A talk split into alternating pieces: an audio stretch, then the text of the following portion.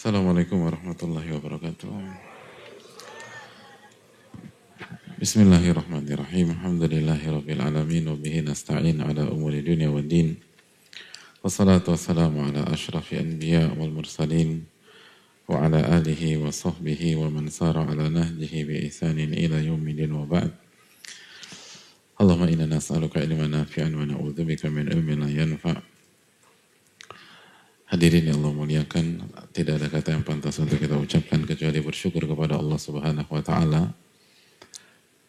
Di hari-hari terbaik ini sebagaimana yang disabdakan dan diriwayatkan afdhalu ayami dunia ayamul ashar sebaik-baik hari di dunia adalah 10 hari pertama di bulan Dzulhijjah sebagaimana Nabi kita SAW bersabda, "Mamin ayyamin al-amalu salihu fihinna ahabu ilallah min hadhil ayyam." Tidak ada satupun hari di mana amal soleh lebih dicintai oleh Allah Subhanahu wa taala kecuali amal soleh yang dikerjakan di 10 hari pertama di bulan Dzulhijjah.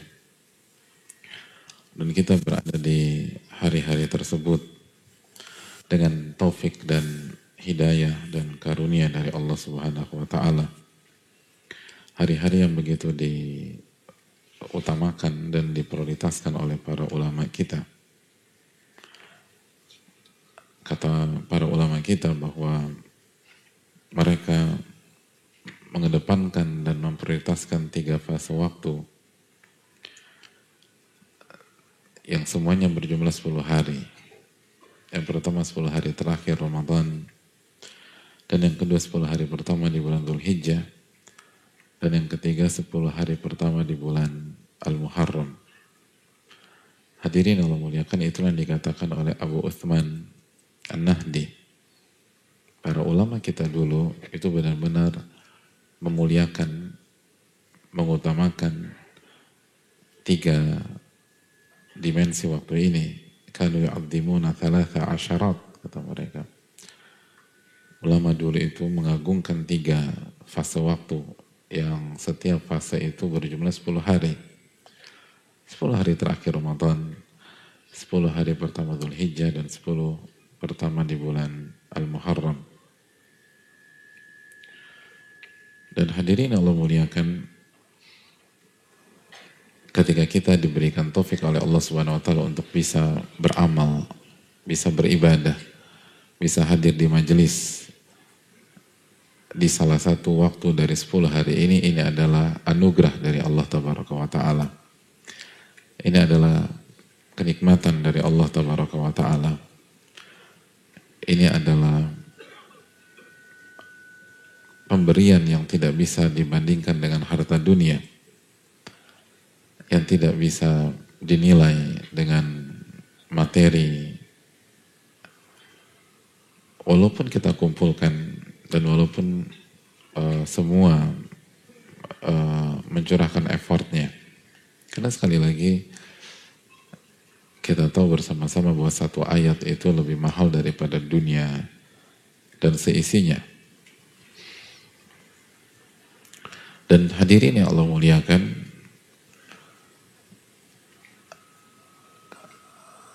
oleh karena itu maksimalkan ibadah kita di 10 hari ini. Maksimalkan. Dan kita pun mendapatkan pahala dari sisi yang lain. Pahala beribadah di waktu yang belum populer di tengah-tengah umat. Yang masih dilalaikan. Yang belum ditunaikan sesuai dengan hak dan keagungannya. Makanya Nabi SAW mengatakan al-ibadatu fil haraji kal hijrati ilayya. Beribadah, di waktu haraj di waktu fitnah di waktu banyak manusia lalai. Itu pahalanya seperti berhijrah kepada diriku. Dan Nabi juga Sallallahu Alaihi menyampaikan tentang uh, tentang tahajud. Wasallu bilaili wan nasu niyam dan sholatlah di waktu malam di saat manusia itu tertidur. Ini salah satu alasan mengapa sholat terbaik setelah sholat wajib adalah qiyamul lail. Karena qiyamul lail dikerjakan di saat banyak manusia itu lalai atau banyak manusia itu tidak tidak sigap. Maka ini adalah kaidah di tengah-tengah para ulama. Setiap ibadah yang dikerjakan di waktu di mana banyak manusia itu lalai, maka pahalanya luar biasa. Pahalanya semakin besar. Dan kita tahu 10 hari pertama Nutul Hijjah belum ditempatkan sesuai dengan makomnya, kedudukannya, keistimewaannya. Walaupun Alhamdulillah dari tahun ke tahun sudah uh, lebih tersosialisasi, sudah lebih tersosialisasi dengan banyaknya dakwah dari guru-guru kita, dari para ulama kita. Tapi apakah sudah sampai di titik yang seharusnya? Jawabannya belum. Karena sekali lagi dulu para ulama klasik meng, apa, uh, mensejajarkan dengan 10 hari terakhir Ramadan. Jadi seharusnya hype-nya itu seperti 10 hari terakhir Ramadan. Seharusnya 11-12 dengan 10 hari terakhir Ramadan. Tapi kita masih melihat jarak yang begitu uh, jauh antara suasana 10 hari pertama Dhul Hijjah dengan 10 hari terakhir Ramadan. Maka ini PR kita, PR kita dan PR kita. Tapi di sisi lain, ini kesempatan bagi kita untuk mendapatkan bonus pahala dari sisi kelalaian tersebut. Jadi ketika kelalaian itu masih terlihat, maka itu kesempatan kita mendapatkan pahala. Tapi kita juga jangan salah kaprah, lalu mengatakan kalau begitu kita nggak usah sampein aja Pak Ustadz, biar pada lalai semua. Sehingga kita bisa dapat pahala pada saat manusia lalai. Nggak demikian. Karena bonus ketiga adalah bonus dakwah. Ketika manusia belum sepenuhnya menyadari, lalu kita amalkan 10 hari pertama di bulan Hijjah, maka itu langsung maupun tidak langsung merupakan dakwah dengan contoh, dakwah dengan perbuatan, dakwah dengan keteladanan. Dan kita akan mendapatkan pahala dakwah. Dan pahala dakwah luar biasa. Pahala dakwah itu luar biasa. Belum lagi kita dapat bonus lagi pahala merintis. Maha, pahala perintis itu pahala yang sekali lagi sangat luar biasa. Makanya Allah atau Allah dan Rasulnya SAW menyatakan bahwa kita nggak akan pernah bisa menyaingi para sahabat radhiyallahu taala anhum. Kenapa? Karena mereka adalah perintis. Wasabiqun al-awwalun minal muhajirin wal ansar walladzina taba'uhum bi ihsan radhiyallahu anhum wa radu'an dalam surat At-Taubah ayat 100 Allah menyebutkan uh, salah satu sisi para sahabat. Allah nggak mengatakan dan para sahabat tidak. Allah tidak mengatakan sebatas muhajirin dan ansar tidak. Allah tidak mengatakan orang-orang beriman, tapi Allah menggunakan salah satu karakter dan sifat mereka wasabiqunal awwalun dan orang-orang yang pertama kali masuk ke dalam Islam. Orang-orang perintis dari muhajirin dan ansar. Walladzina taba'uhum bi. Dan orang-orang yang mengikuti mereka. Oleh karena itu apabila kita bisa menjadi perintis 10 hari pertama di bulan Dhul Hijjah di keluarga kita, maka ketika keluarga kita menjadikan ini budaya atau bukan budaya kult, uh, maksudnya kultur yang akhirnya terus diamalkan setiap tahun, maka kita kan dapat pahala, dapat pahala, dapat pahala. Kalau kita menjadi perintis di lingkungan kerja kita, dan akhirnya tahun depan, tahun depan, tahun depannya lagi, itu teman-teman kerja kita semangat di 10 hari pertama Dhul Hijjah, maka kita mendapatkan pahala perintis tersebut. Terus sampai mereka uh, berpindah dari satu generasi generasi lain, ke generasi lain, ke generasi lain, maka kita dapat pahalanya. Pahala perintis itu besar perintis itu di di apa di dimuliakan di dalam Islam. Karena nggak mudah. Jadi artinya kita punya ber, berbagai macam sisi pahala 10 hari pertama Dhul Hijjah. Lalu beribadah di saat manusia lalai. Lalu berdakwah untuk mensosialisasikan. Lalu pahala perintis. Hadirin. Jangan sia-siakan, mumpung masih ada waktu. Mumpung kita masih ada di awal. Mumpung kalau kita tidak ngeh atau kurang, maka kita bisa uh, bisa perbaiki di hari atau di malam ini, di besok malam, di lusa dan seterusnya. Maka ini jangan sampai disia-siakan. Dan hadirin Allah muliakan, dan salah satu amalan di 10 hari pertama Dhul Hijjah adalah berkurban. Dan berkurban. Semua sudah tahu. Fasalli li rabbika wanhar. Allah berfirman, maka salatlah id dan berkurbanlah untuk Rabbmu. Dan yang ingin kita tekankan bagaimana kurban kita pada tahun ini lebih bermakna daripada tahun-tahun yang lalu. Dan kita perlu ingat hadirin sekalian bahwa para ulama memberikan sebuah kaidah bahwa pada saat Allah memerintahkan kita mengerjakan sebuah amalan zahir di waktu yang sama Allah subhanahu wa ta'ala memerintahkan kita amalan batin. Ketika Allah subhanahu wa ta'ala memerintahkan kita mengerjakan sholat, maka di waktu yang sama Allah perintahkan kita untuk ikhlas pada saat sholat. Pada saat Allah perintahkan kita untuk uh, puasa, atau untuk berzikir di waktu yang sama Allah perintahkan kita untuk khusyuk ketika puasa dan khusyuk ketika zikir. Jadi di setiap amalan zahir di sana ada amalan batin. Oleh karena itu, orang yang mendapatkan kedudukan yang paling tinggi adalah orang yang bisa mengkombinasikan dan menghadirkan dua amalan tersebut di satu waktu. Makanya dijelaskan bahwa uh, tingkatan tertinggi yaitu ihsan adalah kemampuan atau taufik Allah kepada seseorang sehingga dia punya kemampuan menggabungkan antara amalan zahir di level tertinggi dan amalan batin di level tertinggi sehingga yang terjadi adalah anta'budallaha ka'annaka tarah fa in lam takun tarahu fa innahu yarak. Apa artinya? Siapa yang tahu? Ihsan. Dijelaskan oleh Nabi SAW di hadis Jibril.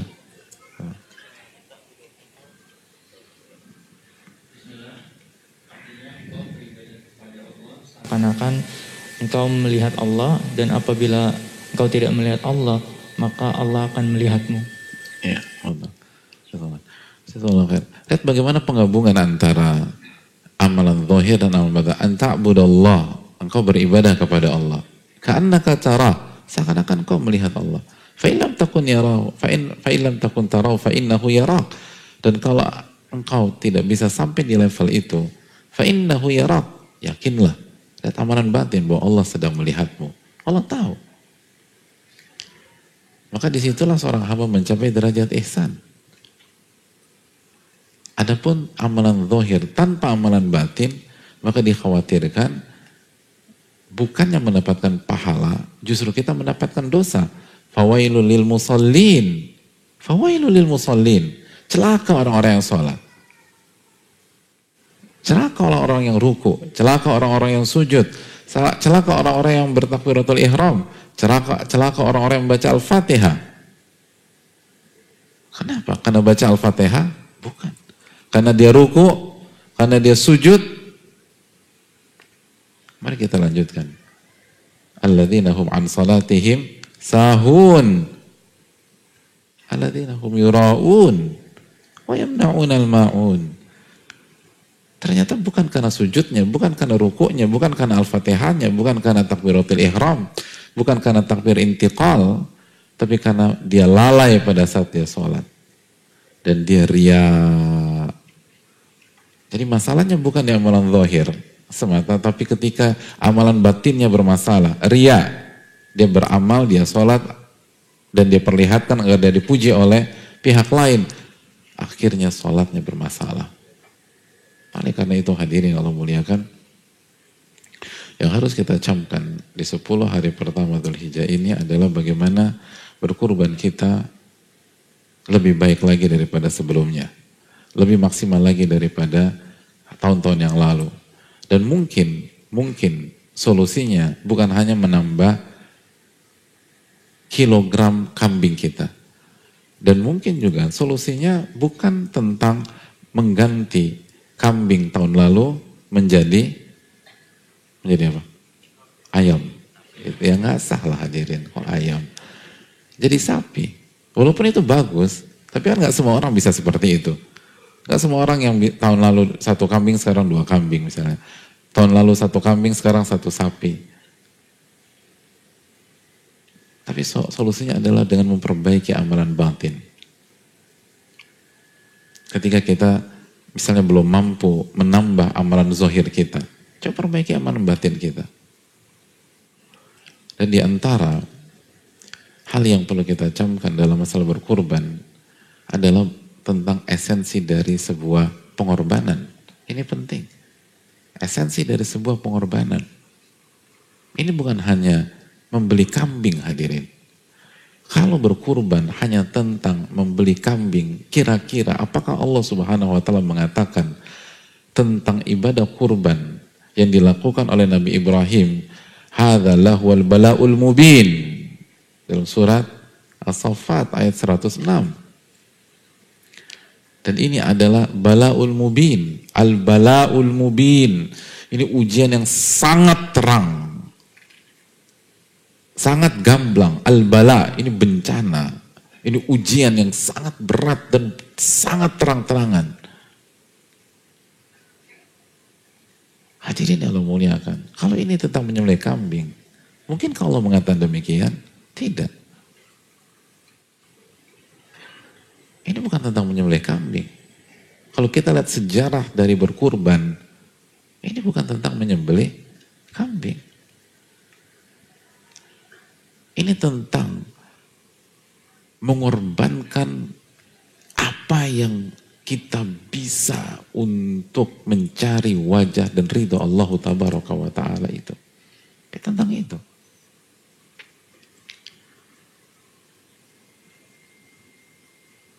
Tentang hal tersebut. Hadirin Allah muliakan.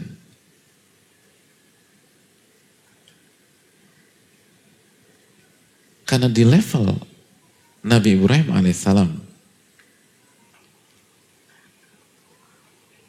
itu beliau menjamu tamu-tamu yang beliau nggak kenal itu nyembelih apa? Sapi hadirin. Jadi menyembelih sapi itu untuk menjamu tamu yang tidak beliau kenal, yang belum pernah ketemu sebelumnya, yang mendadak, nggak buat appointment dulu, tiba-tiba main datang, itu standarnya nyembelih sapi. Jadi mungkinkah ketika beliau menyembelih kambing, Allah katakan al-bala'ul mubin. Ini ujian yang sangat besar. Enggak. Sapi. Siapa di antara kita kalau ketika tamu datang itu sapi disembelih hadirin? sapi. Dan kita nggak kenal tamunya. Pun kita kenal tamunya aja, aku aja syukur hadirin. Kadang-kadang nggak dikasih apa-apa. Kadang-kadang kalimat pertama kita nyelekit. Tumben lo datang. Lagi butuh. Gitu. Tumben. Pasti ada maunya nih. Gitu kok bertepatan jam makan siang, mau cari gratisan. Bayangkan itu kalimat pertama. Padahal ini orang teman kita. Apalagi nggak pernah. Nabi Ibrahim itu, kita tahu semua kisahnya. Tamu datang itu sapi sembeli.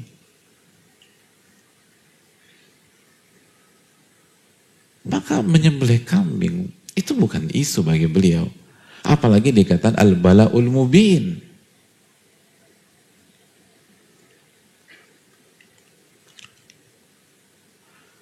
Lalu mengapa ini dikatakan al-bala'ul mubin? Jawabannya ada dalam ada di ayat ke-102-nya. Falamma balagha ma'ahu sa'yu. Falamma balagha ma'ahu sa'ya. Dan ketika Ismail sampai pada usia yang sangat produktif, qala ya bunai Lalu Nabi Ibrahim berkata kepada Ismail, Inni arafil manami anni azbahuka fanzur madha tara. Aku bermimpi, aku, aku menyembelihmu, maka bagaimana pandanganmu? Dan mimpi para anbiya adalah wahyu. Mimpi para nabi adalah wahyu hadirin. Ini adalah perintah untuk menyembeli buah hati. Qala ya abati fa'al ma tu'mar. Wa ya ayahanda, lakukan yang Allah perintahkan kepada engkau. Satajiduni insyaallahu minas sabirin. Dan insyaallah engkau akan dapatkan aku termasuk orang-orang yang sabar. Allahu Akbar. Ini al-bala'ul mubin. Ini al-bala'ul mubin. Baru cocok hadirin. Kalau kambing nggak cocok, tanpa meremehkan, tanpa meremehkan. Nggak mudah memang. Di antara kita ada yang nabung, ada yang nabung tiga bulan, ada yang nabung satu tahun buat menyembelih kambing. Tapi dikatakan al-bala'ul mubin. Dan itu di level Nabi Ibrahim, menurut antum cocok apa tidak? Gak cocok.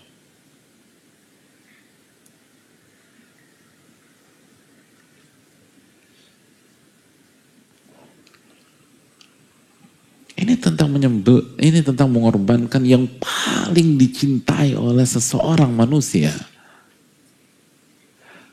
Lalu ketika sosok itu membuktikan kejujurannya, keikhlasannya, ketulusannya, dan sikap berkorbannya, baru Allah katakan dalam surat yang sama di ayat ke-107, وَفَدَيْنَاهُ بِذَبِهٍ عَظِيمٍ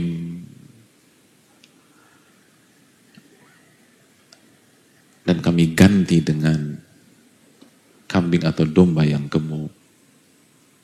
Ini bukan tentang kambing awalnya. Kambing itu last minute hadirin. Last minute. Setelah setelah terbukti falamma aslama watallahu lil jabin dan ketika Ibrahim dan Ismail menyerah kepada Allah istislam sami'na wa ata'na dan siap berkorban Dan ketika mau dieksekusi, menjalankan perintah Allah Subhanahu wa taala baru wanadainahu ayya Ibrahim dan kami panggil, kami serukan wahai Ibrahim. Qad saddaqta ru'ya, engkau telah benarkan mimpi dan wahyu tersebut. Inna kadzalika najzil muhsinin. Dan begitulah kami mengganjar orang-orang yang berbuat ihsan. Inna hadzalahu al bala'ul mubin. Dan itulah bala dan ujian yang sangat nyata. Baru diganti. Wa fadainahu bidzibihin azim.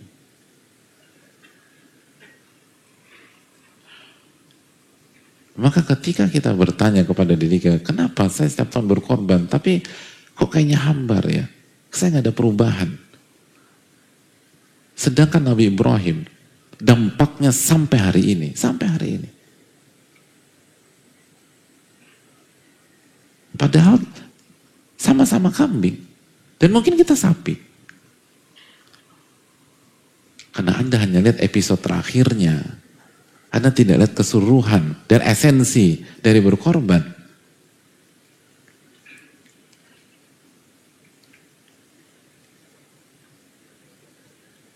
Adapun Nabi Ibrahim satu sama-sama sama kayak kita satu kamu dampaknya sampai hari ini sampai keberkahannya sampai hari ini. Sedangkan sebagian mungkin kita, kita nggak bicara orang lain, kita hari ini Idul Adha dua hari kemudian kumat lagi, gitu loh. Nanti nggak jelas lah, lalu maksiat lagi lah, segala macam lah. Nabi Ibrahim berkanya bukan hanya untuk diri beliau, bukan hanya untuk anak beliau Nabi Ismail, tapi terus Sampai hari ini, sampai hari ini. Karena ini bukan tentang kambing. Ini tentang ketulusan, ini tentang keikhlasan, ini tentang seberapa kita berjuang untuk mencari ridho dan wajah Allah tabaraka wa ta'ala. Itu poinnya. Bagaimana kita berubah, bagaimana kita menjadi hamba, bagaimana kita sujud, bagaimana kita ruku, Bagaimana kita menjadi pribadi yang jauh lebih baik. Bagaimana kita berakhlak mulia. Bagaimana kita mem, kita babak belur dari orang buruk dan berproses menjadi orang yang soleh dan soleha. Dan semua harus berkorban, berkorban, berkorban, berkorban. Harus istislam, menyerah kepada Allah tabaraka wa ta'ala. Itu baru yang diinginkan.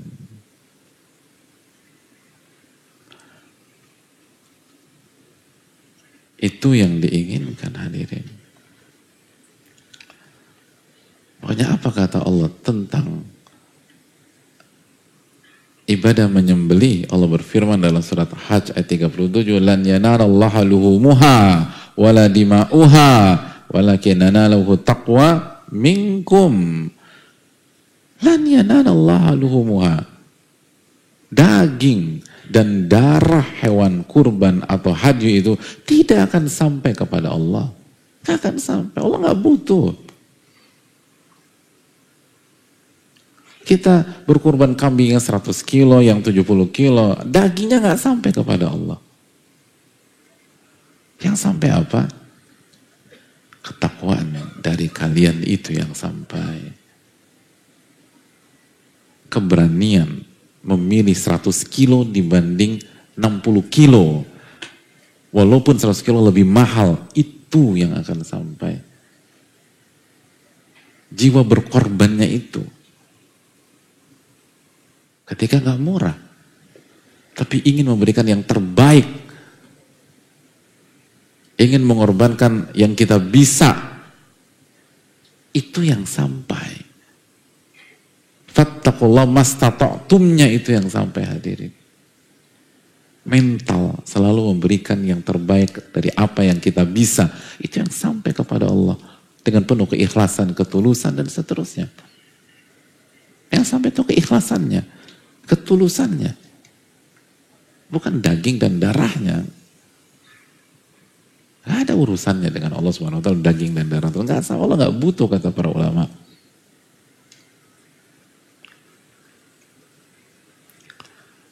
Tapi bagaimana itu sampai? Maka ini yang harus kita renungkan dan evaluasi kurban-kurban kita sebelumnya. Kenapa nggak dapat?